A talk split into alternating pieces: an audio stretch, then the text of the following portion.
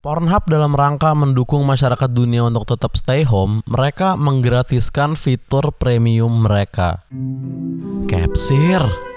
Respect lah, maksudnya seenggaknya mereka ada andil untuk membantu gitu. Mereka tahu mereka nih, oke kita perusahaan bokep nih, kita harus ada bantuan lah seenggaknya di masa-masa sulit ini gitu.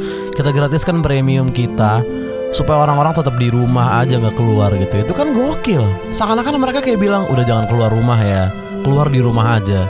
Ini kita kasih premium. Itu kan baik kan? Maksudnya Pornhub kan akun premium mereka itu revenue streamnya mereka. Jadi mereka bagi-bagi akun premium tuh berarti udah kayak KFC tiba-tiba buka stand di depan terus bagi-bagi ayam gratis gitu. Mulia banget tau. Dan lu inget gak sih Pornhub tuh pernah bikin video bokep gitu Yang profitnya tuh dipakai untuk bersihin pantai di mana gitu. Jadi ini mungkin baik Pornhub tuh gue mikir mungkin yang punya Pornhub tuh orangnya baik gitu baik banget gitu generous gitu. Walaupun ya mungkin dia mesum tapi dia baik gitu ya. Nggak apa-apa kan? Maksudnya itu bukan dua hal yang kontradiktif itu lo bisa baik dan mesum bisa bersamaan. Mungkin itu yang terjadi dengan pemilik Pornhub ini. Mungkin dia emang orang yang baik deep down. Cuman jorok aja.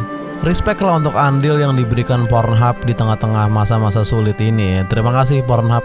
Respect bro.